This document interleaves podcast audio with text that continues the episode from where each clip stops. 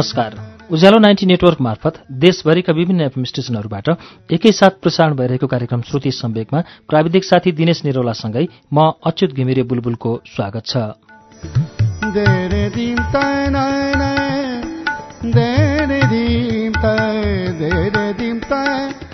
श्रुति सम्वेकको शुक्रबारको श्रृङ्खलामा हामी विगत पाँच श्रृङ्खलादेखि सुबिन भट्टराईको उपन्यास समरलभको वाचन सुनेर आइरहेका छौं। हामीले गएको साता सुबिन भट्टराईको उपन्यास समरलभको चौथो श्रृङ्खला सुन्यौं। अब आज समरलभको पाँचौं श्रृङ्खला वाचन शुरू हुन्छ पृष्ठ उनान्सयबाट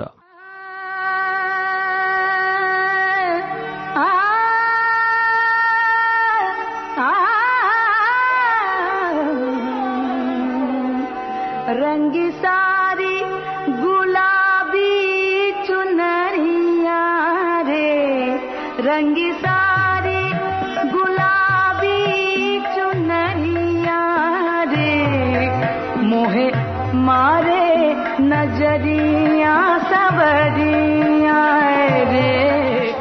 दोस्रो पटक ग्रुपमा काम भएन। धेरै साथीहरू अलिक पछिलाई काम थाती राखेर बसेका थिए। साया र म भने माघको पहिलो सातामै निस्क्यौँ। कोइस नायर सर्वे गर्ने भनेर।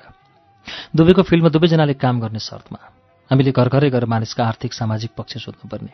यही काम पोखरामा रमाइ रमाइ गरिएको थियो। तर त्यहाँ दिनभरिमा जम्मा सात आठ घरमा मात्र गर्न सकिया थियो। त्यहाँ म र साया प्रत्येक एकजनाले आफ्नो आफ्नो क्षेत्रको गाविसमा गरेर एकात्तरवटा रेस्पोन्डेन्टको सर्वे गर्नुपर्ने। अर्थात् एकात्तर मान्छेसँग बसेर साढे तिन पेज लामो क्वेसनायर भर्नुपर्ने जसका लागि हामीले छ दिन समय छुट्याएका थियौँ। मेरो र सायाका लागि तिन तिन दिन। भ्याइएला नभ्याइएला केही अड्कल अनुमान थिएन। पहिलो मेरो क्षेत्रमा गर्ने भनेर पालो राखियो। मेरो क्षेत्र अर्थात् कल्याणपुर। म र समीर आउँदा बसेको ठाउँमै बस्यौँ। त्यही सानो कोठा एउटा खाट अनि त्यही टाढाको टोयलेट पुगेको भोलिपल्ट र पर्सिपल्ट गरेर हामीले एकहत्तर घर सकेरै छाड्यौँ।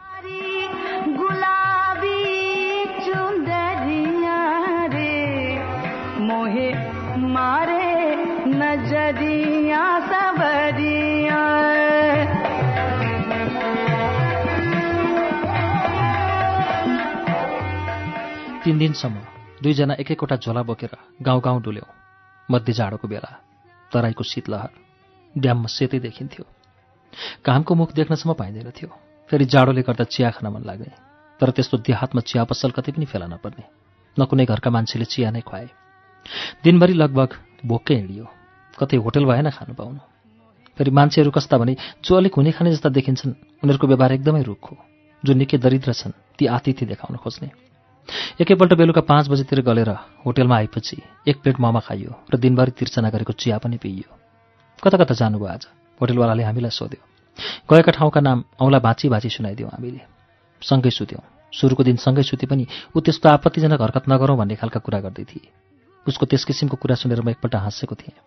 अनि बिस्तारै उसलाई आफूतिर ताने ऊ नो भन्दै थिए। मैले आफ्नो काम जारी राखेँ।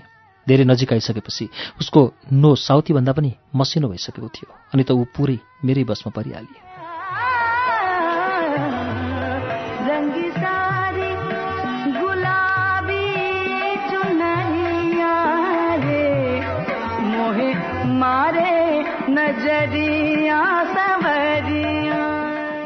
तिमी पर्भटलाई नि चितवनको पहिलो रातको सेक्सपछि उसले भनेकी थिए केही मुस्काउँदै बदलामा म मुस्कुराइदिएको थिएँ।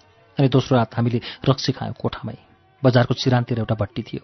त्यहाँबाट मिनरल वाटरको बोतलमा लोकल किनेर ल्याएँ। तिन घुटको पनि मरिमरि निले। धेरै नै मातेको थिएँ। फनफनी घुमाइरहेको थियो। यसै खाटमा पल्टिरहेको थिएँ। साया बिस्तारै मतिर लम्की र मलाई मेरो छातीमा समातेर उठाए टोपी भएको सेतो रङको लामो र बाक्लो खालको टी सर्ट लगाएकी थिए। तिग्रासम्म आउने। तर तल ट्राउजर लगाएकी थिएन। उसका सेता तिग्रा स्पष्ट देखेका थिए। कपाल पुरै छाडेकी थिए। घरिघरि कपाल उसको मुखतिर आउँथ्यो। ऊ मुख बङ्ग्याएर फुकतिर पसलतिर पुर्याउँथे। आज खुब सेक्सी देखेकी छेउ साया उसको तिग्रामा आँखा डुलाउँदै मैले भने ऊ केही बोलिन। त्यस दिन उसको एटिच्युड अलिक भिन्न थियो। खाटमा लम्पसार सुतिरहेको मलाई उठाएर बिस्तारै आफूतिर तानी र आफ्नो मुख मेरो मुख नजिकै ल्याई। किस गर्छ कि भन्यो गर्ने होइन। खालि मेरो ओठ नजिकै आफ्नो ओठ ल्याउँथे र तुरुन्तै मलाई पर ठेल्थे। निकै बेरपछि उसले मेरो तल्लो ओठमा आफ्नो ओठलाई छुवाए कस्तो सफ्ट किस थियो। म पुरै उत्तेजित भइसकेको थिएँ अनि मलाई झ्याप्पै खाटमा लडाएर मेरो सर्टको टाँक एक एक गर्दै खोल्न लागि अनि मेरा गाला ओठ घाँटी हुँदै छातीमा किस गर्न लागे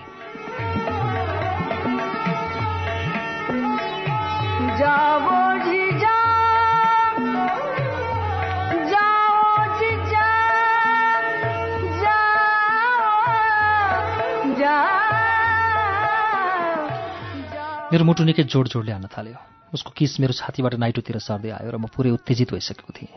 फुल इरेक्सनमा थिएँ। उसको हातहरू सलबलाइरहेका थिए। मेरा हात पनि त्यसै गरी सलबलाएका थिए। म खप्नै नसक्ने स्थितिमा आइसकेको थिएँ र म वाइल्ड हुन पुगेँ। त्यसपछि म पुरै उभित्र प्रविष्ट भएँ। उसले बिचबिचमा ठुल्ठुलो स्वरले आनन्दको शीतकार पनि निकाल्थे। अर्को दिन मैले उसलाई भने हिजो राति खुब फर्ममा थियो नि।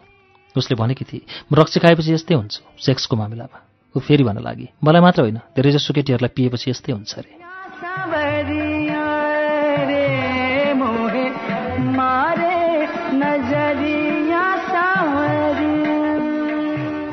छ दिनसम्म हाम्रा दिन र रात उसै गरी आइरहे। हरेकै जस्तो रात रक्सी खाइयो। ऊ रक्सी खाएपछि मात्र अलिक फर्ममा आउँथे। त्यसले म उसलाई खुवाउनमै बल गर्थेँ आफू कम खाए पनि। मेरो फिल्डवर्क सकेपछि अब उसको पालो आएको थियो। उसको ठाउँ थियो बगौडा गाविस। कल्याणपुरबाट दुई स्टेसन अगाडि। त्यहाँ बस्न अलिक राम्रो ठाउँ थियो। एउटी बुढियामा बस्थिन्। त्यहाँ पनि दोस्रो तलामै थियो बस्ने ठाउँ। अलिक फराकिलो। तिनवटा कोठा थिए। बुढियामा तल्लो तलामै बस्थिन्। माथिपट्टि हामीलाई डङडङती खाली फ्ल्याट। टोइलेटको दुखाउतै जस्तो। तर सबभन्दा ठुलो फरक के भने यहाँको खाना एकदम नमिठो थियो। यता मुखैमा हालिरहँ जस्तो लाग्थ्यो उता। यहाँ मुखैमा हालिन सक्नुको खाना। न ममा पाइन्थ्यो न मासु। प्रत्येक छाक मासको दाल पकाएकी हुन्थिन्। अनि तरकारीमा साग मात्रै। छाकको साठी रुपियाँ चार्ज गर्थिन्। मलाई न मासको दाल मन पर्थ्यो न साग। कहिले त्यहाँबाट उम्किनु जस्तो भयो।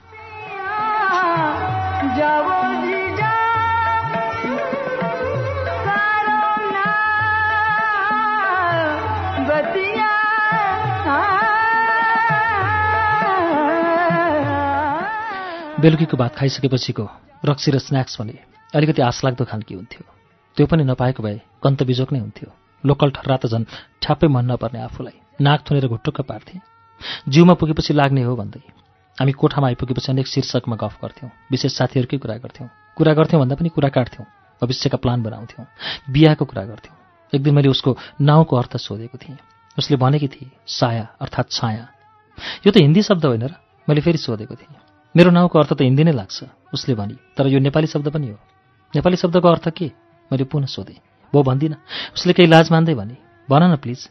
कुनै कुरा हुन्न भनेपछि त्यसको पछि लाग्ने मान्छेको स्वभावबाट म अछुतो कहाँ रहन्थेँ र? नजिस्का है त। हुन्छ। सायाको अर्थ पेटिकोट पनि हुन्छ।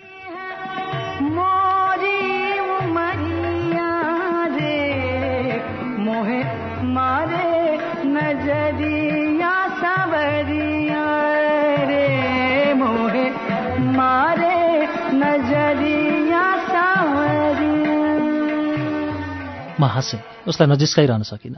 उसलाई पेटिकोट पेटिकोट भन्दै जिस्काइरहेँ। ऊ रिसले चुर भई उसको पालो थियो मलाई केही भन्ने। भनी अतीत अर्थात् पास्ट अर्थात् भूत घोस्ट युआर घोस्ट केही नपाएपछि उसले यतिमा चित्त बुझाउँदै मलाई जिस्काए।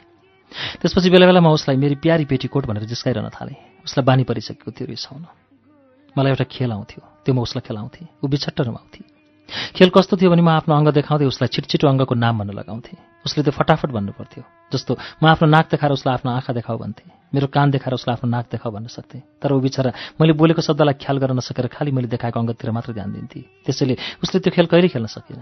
ऊ हरेक दिन आज सक्छु भन्थे तर कहिल्यै सक्दिनथे एक दिन मलाई चुनौती दिँदै भने मलाई खेलाएर हराउने ल आज म तिमीलाई खेलाउँछु। को हार्दो रहेछ?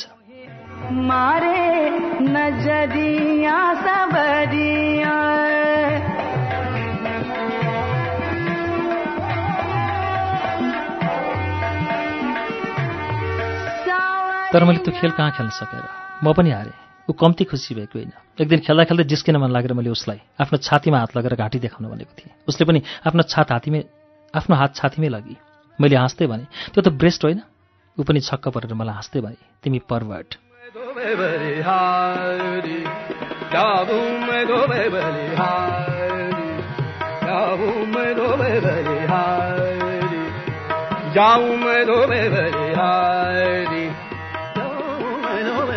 बलिहारी जाऊं मैं दो बलिहारी जाऊं मैं दो बलिहारी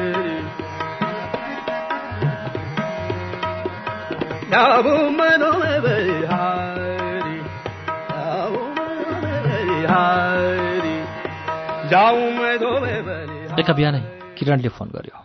निद्रामै थिएँ म। डिसेम्बरको अन्तिम दिन थियो। जाडोको कुरै नगरौँ। दुई दुईवटा सिरक खापेर सुतिरहेको अवस्थामा सिरकबाट हात झेकी फोन उठाउन मन त थिएन तर बाध्य भए। किरण सोध्दै थियो आज के को हो? तन्द्रामै थिएँ। एक्कासी बिना कुनै प्रसङ्ग उसले सोद्धा एकछिन त अलमल्लमा पऱ्यो दिमागमा डिसेम्बर अन्तिम भन्ने कुरा पहिला आयो। भने न्यु इयर इभ हो नि? त्यो भने होइन। उसले भन्यो सायाको निम्त आछ बल्ल कुरा बुझेँ तर सायाले सरप्राइज राख्नु भनेकाले मलाई वास्तविक कुरा भनिहाल्न मन लागेन। यति मात्र भने खोइ उसले गरेको निम्ता उसैलाई सोध्न मलाई के थाहा? तिमीहरू आफू आफूमा खिचडी पकाउने अनि हामीलाई केही नभन्ने? ऊ अलिक सन्के जस्तो गर्यो। सायाले नभन्नु भनेको कुरा म कसरी भन्नु? तेरि पनि साथी नै हो नि ऊ। मैले भने। उसलाई फोन गरेर सोध्न नहुने उसलाई फोन गरेर सोधेँ। तँलाई सोध्नु भन्छ? तँलाई सोधेँ। उसलाई सोध्नु भन्छस्? के हो यस्तो पारा? उसले अलिक कडा आवाजमा भन्यो। यो कस्तो आपत? पार्टी छ सायका। निम्ता गरिएका छन् उसैका साथी। गाली खाइरहेछु म। म के भनौँ यार? मैले वास्तवमै केही भन्न सकिनँ। बदलामा उसित न्यु खोज्ने कुरा पनि थिएन। मार्केटमा एउटा हल्ला सुनियो। उसले भन्यो तिमीहरूको इङ्गेजमेन्ट हुँदैछ अरे। मार्केटमा कति चाँडै हल्ला भइहाल्ने।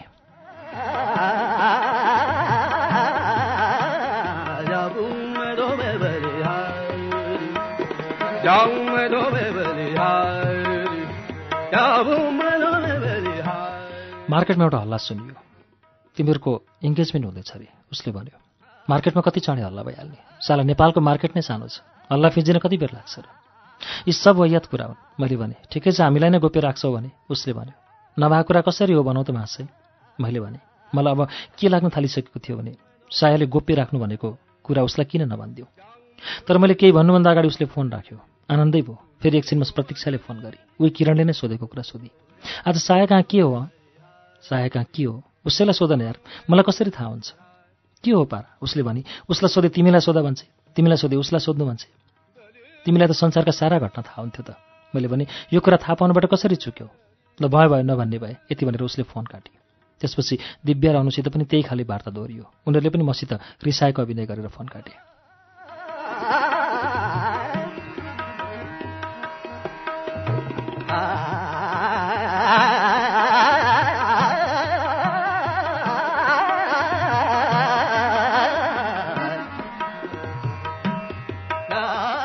अनि मैले सायालाई सोधेँ के हो?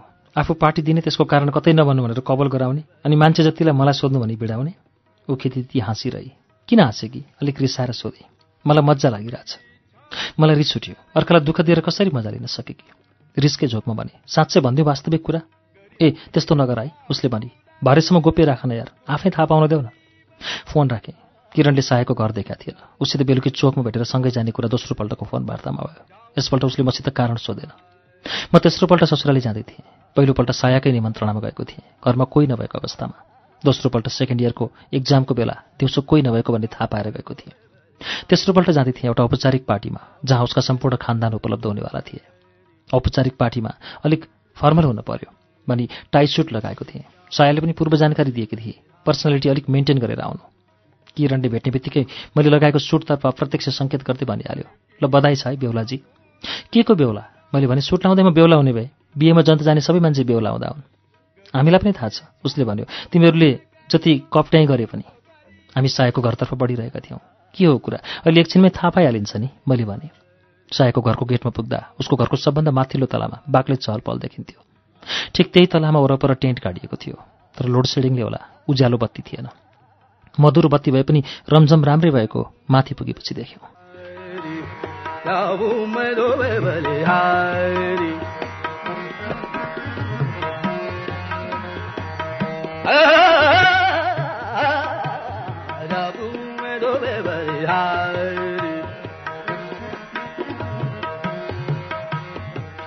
हामीलाई देख्ने बित्तिकै साया कुद्दै आए।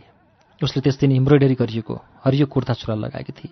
ऊ कुर्ता सुरुवालमा पनि यति राम्री देखिन्छ भनेर मैले अनुमानै गरेको थिएन। हलुका श्रृङ्गार पनि गरेकी थिए। ओठमा गाडा खैरो लिपस्टिक पोतेकी थिए। कपाल सबै फुक्का छाडेकी थिए। डिसेम्बरको अन्तिम दिनमा पनि उसले कुनै स्वेटर या ज्याकेट लगाएकी थिएन। एक सरो कुर्तामै थिए। मैले उसको कुर्ताको पातलो जाली जस्तो बाहुलामा लगाएर भनिहालेँ जाडो भएको छैन म्याडम। वाट उसले यसरी भनी मानौ मैले उसलाई सबको अगाडि कपडा खोल्न भनेको। यस्तो गर्मी भइरहेछ कि कुरै छड्देऊ। केटीहरूलाई केटाभन्दा कम जाडो किन हुन्छ थाहा छ? किरणले पालै पालो हामी दुबईको अनुहारमा हेर्दै भन्यो किन? सायाले सोधी। किरणले भन्यो केटीहरू हट हुन्छन् नि। किरणलाई प्याट्ट पिड्दै उखिति हाँस्न लागि। मलाई किरणको जोकभन्दा पनि साया हाँसेको देखेर हाँस्न मन लाग्यो जसले हामीलाई एउटा कुनातर्फ लगी जहाँ प्रतीक्षाहरू थिए।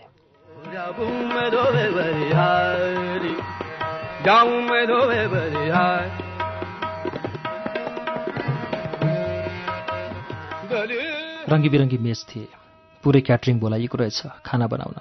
खाना चाहिँ माथि ट्याङ्की भएको छतमा बनाइदिइरहेछ। त्यही छत जहाँ सायाको भाइ अचानक आउँदा त्यो रात पन्ध्र मिनट मैले गुजार्नु परेको थियो। एकपल्ट त त्यो ठाउँ कस्तो भएछ भनेर हेर्न पनि मन लाग्यो। तर मनको कुरा मनमै थुने। क्याटरिङवालाहरू त्यहीँबाट प्लेटमा खानेकुरा ल्याउँदै सर्भ गरिरहेका थिए। पार्टी के विषयको अझै भन्न मिल्दैन किरणले सायालाई सोध्यो। Engagement party? यति भनिसकेर साया अघि चाहिँ खेती हाँस्न लागि। प्रतीक्षाहरू सायद थाहा पाइसकेका थिए। केही नभनी मुसु मुसु हाँसिरहेका थिए। किरण एउटा मात्र के विषयको पार्टी भनेर जानकारीसम्म नपाउने व्यक्ति बन्यो। सायाले प्रतीक्षातर्फ हेर्दै भने ओ हिप्पो के को पार्टी हो किरणलाई भन्दे त? तै भन्न तेरै पार्टी हो जरकट्ट लवजमा। प्रतीक्षाले भने। यो कन्भोकेसनमा पास भएको पार्टी हो सयाले भने। यति भनेर एकछिन है आइहालेँ भन्दै पछाडि आएका एक होल गेस्टलाई स्वागत गर्न उगई सायाका कुरा नबुझेर किरण अलमल्ल पर्यो। आज अघिदेखि नै फिटान्से प्रतीक्षाले भने। मैले पनि बल्ल बुझेँ उसको अलिक भिन्न र अजीब व्यवहारको रहस्य त यो पो रहेछ।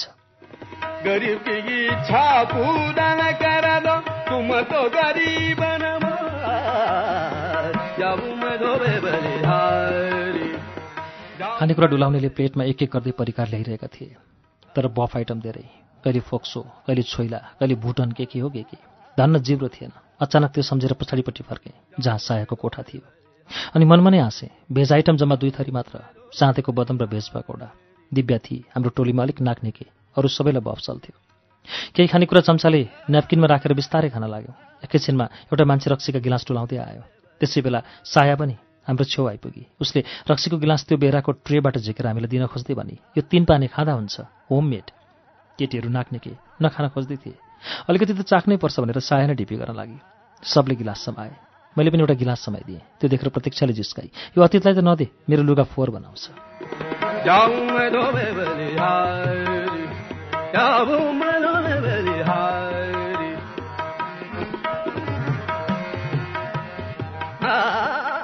हाँस्न लागेँ वरपरहरू पाहुना उभिएका थिए। मेरा ससुराली खलक नेवारीमा कुरा गरिरहेका थिए। के के भनेका बुझिएन। भविष्यमा यसै गरी कुनै पार्टीमा सायासित कतै गएको बेला यिनै मान्छे त झेल्नुपर्ने हो नि मैले। तिन पानी स्वाट्ट निल्दै म कल्पना गरिरहेको थिएँ अनि सोचेँ कमसेकम आजको दिन चाहिँ भमिट नहोस्। झन् त्यहाँमाथि पार्टीमै भमिट भइदियो भने यिनले म त के मेरो सात पुस्तालाई पनि आफ्नो छोरी दिने छैनन्। तर गिलासमा दिइएको पेगभन्दा अर्को चाहिँ थप्ने छैन भनेर मैले मनमा नै अठोट गरेँ। खोइ त यसो गीत सित बजाउनु पर्दैन? साया हाम्रो छेउमा आउन साथ अनुले भने डान्स सान्स गर्न पाइएन भने त पार्टी बोरिङ हुन्छ नि। एकछिन न सात बजी लाइन आउँछ अनि सायाले भने अनुलाई नाच्न नपाएपछि अर्थ केही चाहिन्न थियो। जहाँ पनि जति बेला पनि गीत बज्यो कि त्यसको बिट पक्रेर नाचु नाचु झैँ गर्थ्यो। कलेजमै वेलकम पार्टीको दिन सबभन्दा आकर्षणको केन्द्र थिए। उसलाई बेस्ट डान्सर इन सिडिइएस भन्दा फरक नपर्ला। त्यसपछि सायाले मलाई मात्र तानेर आफ्नो कोठामा लागि। उसको कोठाको झ्यालमा आधाभन्दा बढी रक्सी राखिएको एउटा सिसाको गिलास थियो। त्यहाँबाट अलिकति रक्सी घुटुक्क निली। मलाई खाने भनेर सोधी। ल्याउ न मैले भने। अलिअलि लागेकै थियो डराइन पिउन। दुई तिन घुटकै पिदिएँ त्यसपछि ऊ ढोकातर्फ बढेर चुकुल लगाई। म तर्सेँ यो के गरेँ कि? आत्तिँदै मैले सोधेँ। किन डराएको? उसले हाँस्दै भने म वास्तवमै निकै डराइरहेको थिएँ। कसैले देख्ला चाहिँ कोही आउला चाहिँ लागिरह्यो। बाहिर ओहोरदोहोर गरिरहेका मान्छेको अस्पष्ट छाया झ्यालको सिसाबाट प्रष्ट देखिन्थ्यो।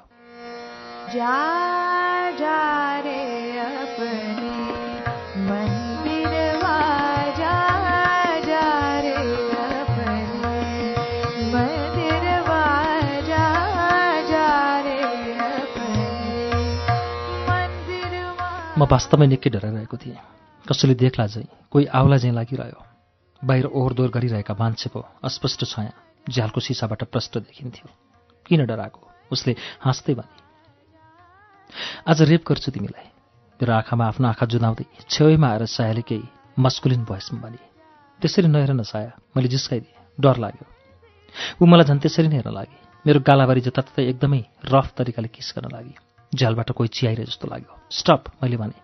ऊ तुफान चाहिँ भएकी थिए। रोकिनेवालै थिइनँ मेरो नाक गाला ओठ निधार घाँटी सबतिर आफ्नो ओठ जोत्दै थिए। मलाई भने पटक्कै इमोसन आइरहेको थिएन। बरु डरले ज्वरो जस्तो आइरहेको थियो। नडराउन ऊ भने ढुक्क थिए। एकैछिनमा उसको ढोकामा केही खैला बेला भएको आवाज सुनियो। ऊ पनि अलिक सतर्क भई। उसको दराज कैन अगाडि गरे अरे मुखैभरि लिपस्टिकको दाग लागेको थियो। भर्खरै सिलाएको सेतो सर्टको कलरमा त झन् दागै दाग थियो। मैले यो सब उसलाई देखाउँदै भने के गर्ने? उसले भने मुख रुमालले जान्छ। अनि सर्ट ह्या उल्लु। उसले भने कोटले छोप न पुरै। हैं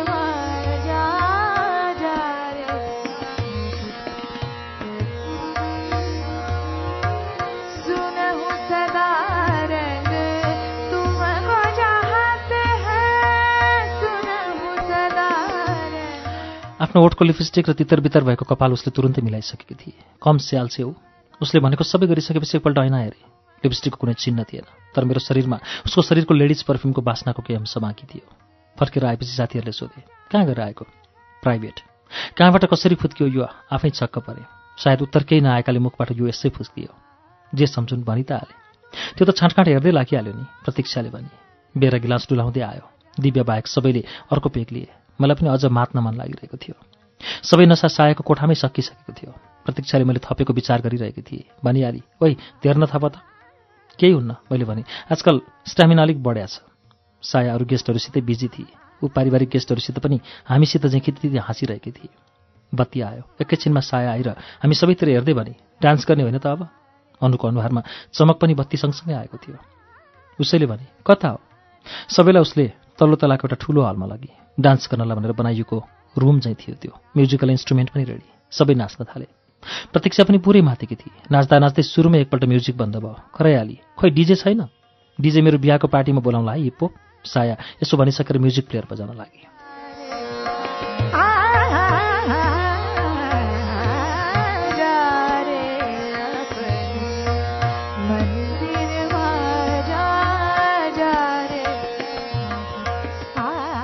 फेरि गीत बस्न लाग्यो। मलाई फनफनी घुमाउन थालिसकेको थियो। जति फर्क्यो उफ्री उठी नसा जान्छ भन्दै खलखली पसिना काडुन्जेल उफ्रन लागे। साया पनि मेरो छेउ आएर मलाई समाएर नाच्न थाली। आधा घन्टा जति नाचेपछि सबैलाई घर जान हतार भयो। सबै सायासित बिदाबारी हुन थाले। हिँड्न हिँड्न के लागिया थियो किरणले भन्यो। होइन अङ्कल आन्टीलाई बाई नभनी कसरी जाने? नचाहिने ठाउँमा अनावश्यक औपचारिकता देखाइदियो किरणले। यत्तिकै हिँड्न तयार भइसकेका केटीहरू पनि भेटेरै जाउन भन्न थाले। सायाले मासतिर लग्यो हामीलाई। मलाई भर्याङ उक्लिँदा पनि घुमाइरहेको थियो। कानमा केही बजे जस्तो फिल भइरहेको थियो। उसका बाआमालाई भेटेर फर्कनै लाग्दा मैले त्यहीँ वाल्ला छादेँ।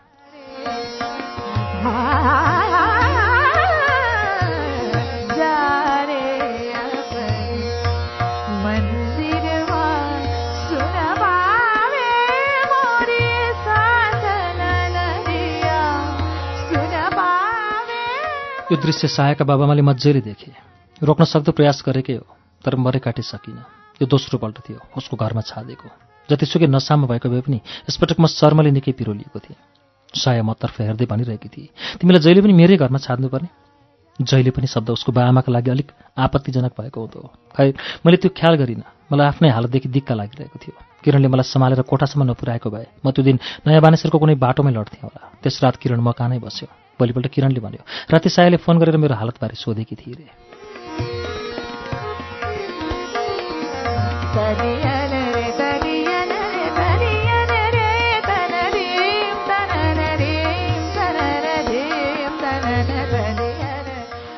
एउटा एनजिओमा जागिर पाएँ। तर अप्ठ्यारो के भयो भने म पूर्वको मान्छे सुदूरपश्चिम जानुपर्ने भयो। जाउँ कि नजाउँ नै भएँ। साथीहरूसित सल्लाह माग्दा यस्तो मुस्किलले पाउने जागिर किन नजानु भन्ने सल्लाह दिए। सायाले पनि त्यसै भने घरमा सोधेँ सबैले जानु नै भने सबैले जाने सल्लाह दिइसकेपछि म कसरी नजान सक्थेँ? सायाले पनि नर्वेका लागि महिलाको कोटा स्किममा एमफिल प्रोग्रामका लागि स्कलरसिप अवार्ड पाए। त्यही प्रोग्रामका लागि मैले पनि आवेदन भरेको थिएँ तर पाइनँ। आवेदन दिउन्जेल कति धेरै योजना बनाएका थियौँ। दुवैजना सँगै गएर उतै सेटल हुने। तर सब बताभङ्ग भयो। साया दस दिनभित्र विश्वविद्यालय उपस्थित भइसक्नु पर्थ्यो म पनि दसैँ दिनभित्र धनगढीको कार्यालयमा हाजिर हुनु पर्थ्यो तरियन रे आ तरियन रे आ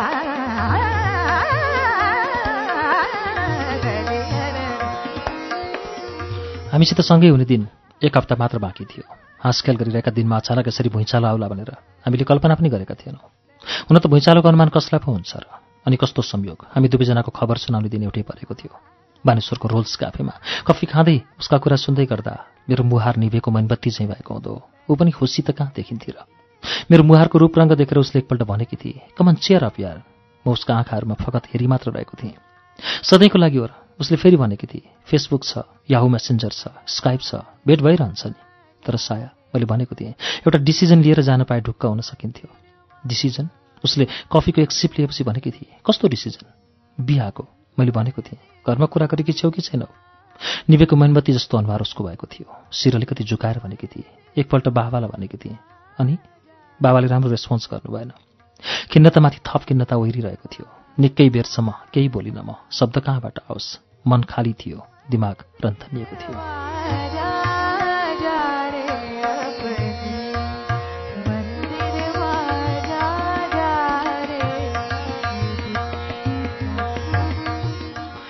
खिन्नतामाथि थप खिन्नता ओहिरिएको थियो। निकै बेरसम्म केही बोलिन म। शब्द कहाँबाट आओस्? मन खाली थियो। दिमाग रन्थनिएको थियो। मेरो मौनतालाई उसले भङ्ग गर्दै भनेकी थिए चिन्ता नगर बाबालाई म कन्भिन्स गर्छु कुनै दिन। म अझै केही नबोलिकन बसेको थिएँ। उनै मुहारमा कृत्रिम हाँसो ल्याएर नाटकीय पारामा बोलेकी थिए आज चुरोट खाउँ अतीत। कहाँ के सोचिरहेको म? उसका कुराले एकैचोटि उसैको अनुहारमा हेर्न पुगेको थिएँ। ऊ हाँसिरहेकी थिए तर यो पहिलो हाँसो थियो उसको ओठमा जो पटक्कै सुहाएको थिएन। मन खुम्चिँदा हाँसो कसरी फैलिन सक्छ र? उसलाई मनले साथ दिएको भए पो ओठको हाँसो स्वाभाविक लागोस्।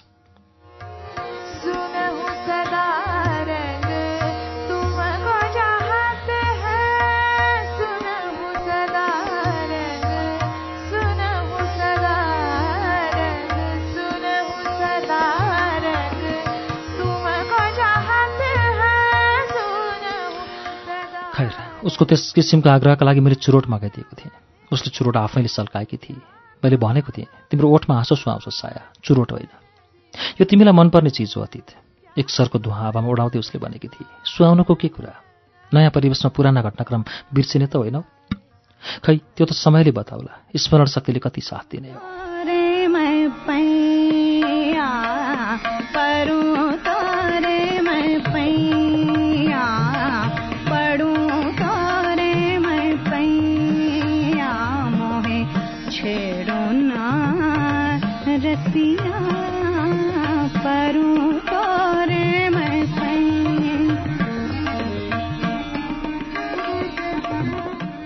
एक हप्तासम्म उसको सपिङको सहयात्री भए। नर्थ फेसको ज्याकेट र विन्टर ड्रेस ठमेल एरियामा किन्यौँ अरू लुगाफाटा र सामान न्यू रोडमा। म बिहान घरबाट खाना खाएर निस्कन्थेँ करिब दस बजेतिर अनि साँझसम्म उसीसँग हुन्थेँ। दिउँसो खाजा खाने कुनै रेस्टुरेन्ट छिर्थ्यौँ सबभन्दा पहिला उच्चु रोडमा गाउँथेँ। मैले केही भन्न खोजेँ उही पुरानो डाइलग दोहोऱ्याउँथेँ तिम्रो ओठमा बस्ने चिजलाई म प्रेम किन नगरौँ? सपिङका लागि जति व्यस्त भए पनि हामी एकअर्कालाई केही समय दिन्थ्यौँ। एक दिन हामी गार्डन अफ ड्रिम्स गएका थियौँ। गार्डन अफ ड्रिम्स निकै शानदार लागेको थियो। त्यो सबै निहालिसकेपछि सायालाई मैले भनेको थिएँ तिम्रो पुरै नर्वे हाम्रो गार्डन अफ ड्रिम्स जस्तै हुँदो हो अघि ऊ केही बोलेकी थिएन म पनि बोलेको थिएन हामी खालि एकअर्कालाई हेरेर बसेका थियौँ एक दुई घन्टासम्म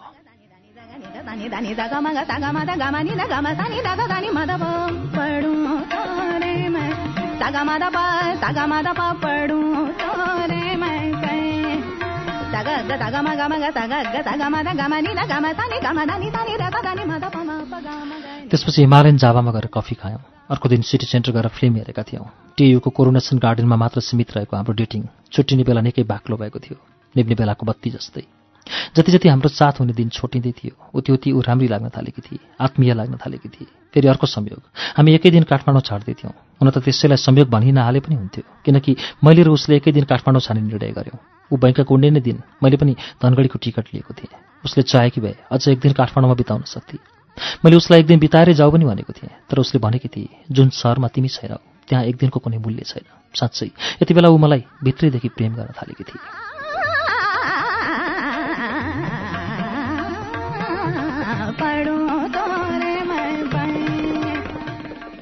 यस्तो इमोसनल कुरा उसले त्यसअघि मसित कहिले गरेकी थिएन। ऊ ज्यादै भावुक हुन थालेकी थिए। कहिलेकाहीँ मसित बोल्दा बोल्दै उसको आँखामा टिल्पिल टिल्पिल आँसु आइरहेको देख्थेँ म। यो के भइरहेछ उसलाई? उसको आँसुले मलाई किन कमजोर बनाइरहेको थियो? किन रोएकी साया? उसले आँसु पुछी। र जबरजस्ती हाँस्ने प्रयास गरेर भने मौकाको फाइदा उठाएकी फेरि तिमीसित बसेर रुन कहिले जोर्लाएर मलाई पनि केही हाँस्न कर लाग्थ्यो। वास्तवमा मैले प्रेम गरेकी सादा साया आजकल आँखामा आँसु र ओठमा चुरोट नभई बस्नै नसक्ने भएकी थिए। त्यो दिन। उसको बेलुकीको फ्लाइट थियो। मेरो बस दिउँसो तिन बजेको। अन्तिम भेटका लागि बाह्र बजे रोल्स क्याफेमा भेट्यौँ। बेलुकीको फ्लाइट भए पनि ऊ पुरै ठाटिन भइसकेकी रहेछ। आकाशी टाइट जिन्स र कलेजी टी सर्ट लगाएकी थिए। अघिल्लो दिन छुट्टिएपछि कपाल स्ट्रेट गर्छु भन्दै थिए। गरिसकिन्छ। अनि अनुहारमा हलुका मेकअप र ओठमा टल्किने खालको रातो लिपस्टिक थियो।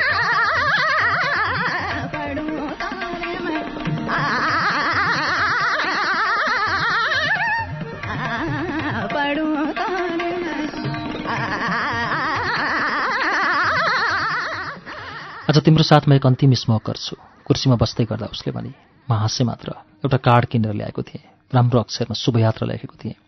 त्यो गिफ्ट स्वरूप उसलाई दिएँ। थुक्क मेरो शुद्धि उसले भने मैले पनि तिमीलाई केही ल्याइदिनु पर्थ्यो। तिमी पो जाँदैछौ। मैले भने तिमी पनि त जाँदैछौ। म त कमसेकम आफ्नै देशमा छु नि। देशमा भएर के गर्नु? उसले भने तिमी धनगढीभन्दा म नै ओस्लो पहिला पुग्छु होला। म फेरि हाँसेँ मात्र। हाम्रो टेबलमा चुरोट र कफी आइपुग्यो। उसले मसित रुमाल मागी झिकेर दिएँ उसले आफ्नो ओटले लिपस्टिकको डाम बसुन्जेल त्यसमा किस गरी अनि मतिर दिँदै भने यसैलाई मेरो प्रेजेन्ट मान्नु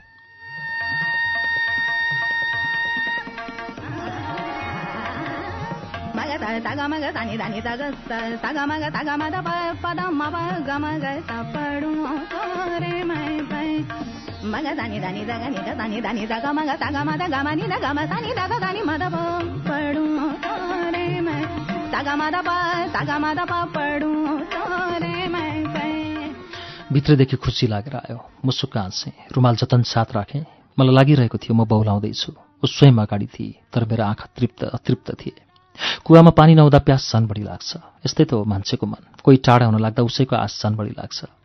साया मेरो लागि फकेटा फटफटाइरहेकी एउटी पक्षी थिए जो कुनै पनि बेला मेरो पन्जाबाट फुत्त उम्केर आकाशमा लोप हुने सामर्थ्य राख्थे। मलाई उसका एक एक चिज एक एक बानी बेहोरा मन परेको थियो के यो मेरो पागलपनको नमुना होइन। अन्तिम सर्को तानेपछि उसले एस्ट्रीमा निभाएको चुरोटको ठुटो पनि उसले थाहा नपाउने गरी टिपेर मैले आफ्नो गोजीमा हालेको थिएँ।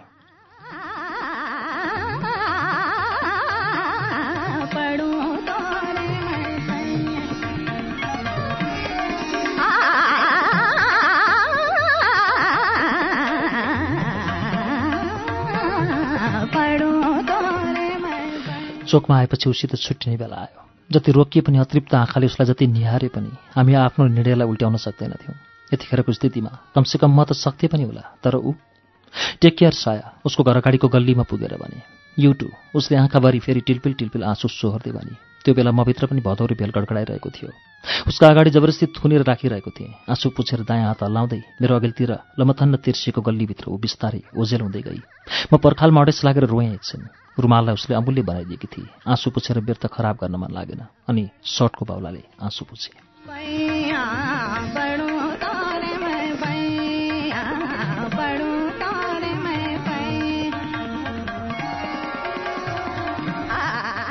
त्यस दिन मलाई किन किन धनगढी जानै मन लागिरहेको थिएन।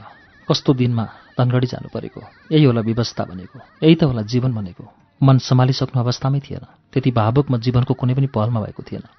न मलाई बस पार गरेर बस चढेको याद भयो न बस हिँडेकै याद भयो। खालि याद भयो त सायसित बितेका पुराना दिन। त्यसैलाई कल्पेर बसेको क्षण एकैचोटि बेलुका साढे चारमा मोबाइल बजेर तर्सेँ। सायाले गरेकी रहेछ। भनी पुग्नासाथ फोन गर्छु। त्यसपछि फोन काटी कल ब्याक गर्न खोज्दा मोबाइल स्विच अफ।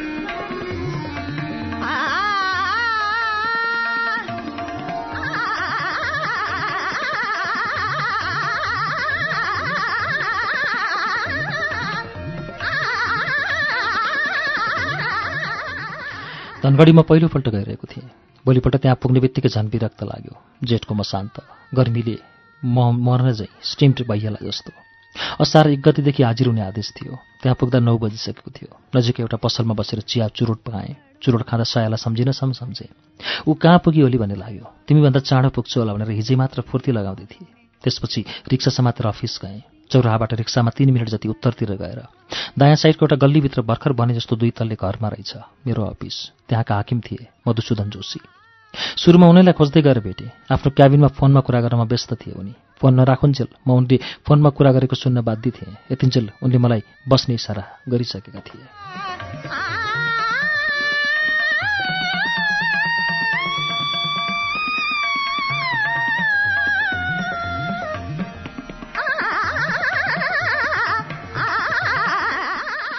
एउटा कुरा सुरुमै थाहा पाइयो। अफिसभित्र एसी रहेछ। नत्र यस्तो गर्मीमा काम गर्न पनि कहने मुड आउला र। उनले रिसिभर राखिसकेपछि मैले आफ्नो परिचय दिएँ। मेरो कामको विवरण लगायत अफिसबारे उनले सबै वृत्तान्त सुनाए। केही कुरा त मैले काठमाडौँमा थाहा पाइसकेको थिएँ। यहाँ उनले अझ डिटेलमा एफ्लेक्स एक्सप्लेसन गरिदिए र अन्तमा भने कोठा नपाउन्जेल तिमी मकानै बस्न सक्छौ। उनलाई क्वार्टर दिइएको रहेछ। अफिसकै कम्पाउन्डभित्र भएको सानो एकतले घर उनको क्वार्टर रहेछ। त्यहीँ एउटा रुम रहेछ। जुन गेस्ट रुम हुँदो त्यहीँ बस्न दिए। क्वार्टरमा एसी रहेछ। पुरै कुल त्यो दिन पुरै आराम गरे।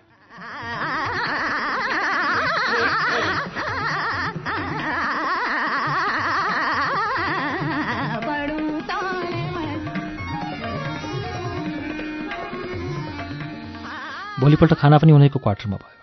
खाना खाइसकेपछि मधुसूदनसँगै अफिस छिरेँ। एउटा ठुलो क्याबिनमा दुईजना केटा र बाहिर रिसेप्सनमा एउटी केटी थिए। सबैले मलाई टुवा परेर हेरिरहेका थिए। मधुसूदनसँगै उनको क्याबिनमा बसेँ उनले सबै स्टाफलाई बोलाएर मेरो परिचय गराइदिए। त्यहाँ मधुसूदन पछाडिको दोस्रोमै थिएँ। जीवनमा पहिलोपल्ट मलाई अपरिचित मान्छेले नमस्ते गरे। सुरुमा त अलिक अप्ठ्यारो महसुस गरेँ। अफिसले मलाई एउटा ल्यापटप दियो। युटिएलको नेट किनेपछि सायासित च्याट गर्न पाइने भयो। म यसै फुरुङ्ग थिएँ। तिन दिन मधुसूदन कहाँ पाहुना भएर बसिसकेपछि बल्ल कोठा पाइयो। मासिक एक हजार तिर्ने गरी सिरक डस्न सबै पिउनले नै बनाइदिए। निकै सहयोगी थिए पिउन बलबहादुर। मधुसूदनको विशिष्ट आतिथ्यबाट बिरानो ठाउँमा गएको थिएँ। कहाँ मधुसूदनको एसी क्वार्टर कहाँ त्यो चालिस डिग्रीको बाफिलो कोठा पङ्खा खोल्यो तातो हावा फाल्थ्यो। जिउ तर र पसिनाको धारो काटिरहन्थ्यो आफ्नै जिउ सिकसिक लागिरहने। त्यो कोठामा फुरुङ्ग गर्ने केही कुरा थियो भने भर्खर पाएको ल्यापटप र नेट। हत्तपत्त सब जोडजाड गरेर सबभन्दा पहिले फेसबुक नै खोलेँ। इनबक्समा दुईवटा मेसेज आएको रातो चिन्ह देखेँ। दुवै सायाकै रहेछ।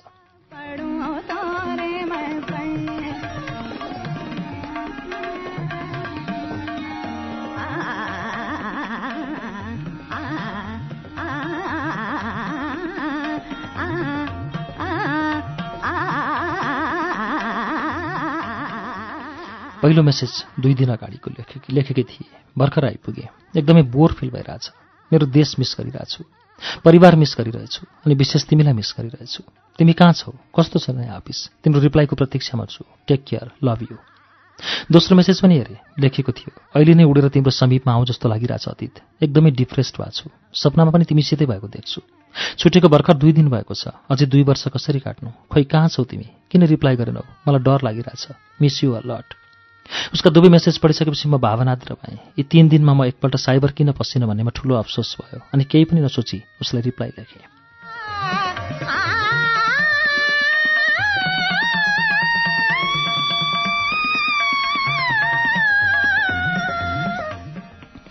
माई डियर साया म पनि तिमी जस्तै एक्लो छु यहाँ। हामी फरक फरक भूगोलमा छौँ तर हाम्रा भावना उस्तै छन्। आखिर हामी एउटै कथाका दुई पात्र नहौ डिप्रेस नहौ सम्हाल आफूलाई। साथी बनाऊ नयाँ केही दिन त हो बानी परिहाल्छ नि। बरु तिमी अनलाइन हुने टाइम कुन बेला हो भन न। त्यो बेलामा कुरा गरौँला। तिम्रो परिवेश कस्तो छ त्यहाँ? म जान्न एकदमै इच्छुक छु Saya. Love you take care message आदान प्रदान त थियो हामीलाई जोड्ने। फेसबुकको इनबक्समा बल्ने रातो कलरकै प्रतीक्षा रहन्थ्यो हरदम। कतिखेर ल्यापटप खोल्नु जस्तो। यसै छटपट्टि भइरहन्थ्यो।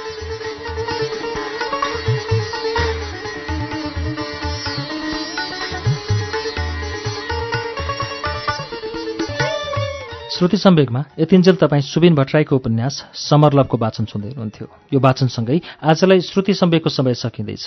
कार्यक्रमबारे तपाईँका सल्लाह सुझाव र प्रतिक्रियाका लागि हाम्रो ठेगाना कार्यक्रम Shruti Sambeg Ujyaalo ninety network post box number छ चार छ नौ काठमाडौँ नेपाल। इमेलका लागि HHRUTI Shruti at UNN dot com dot NP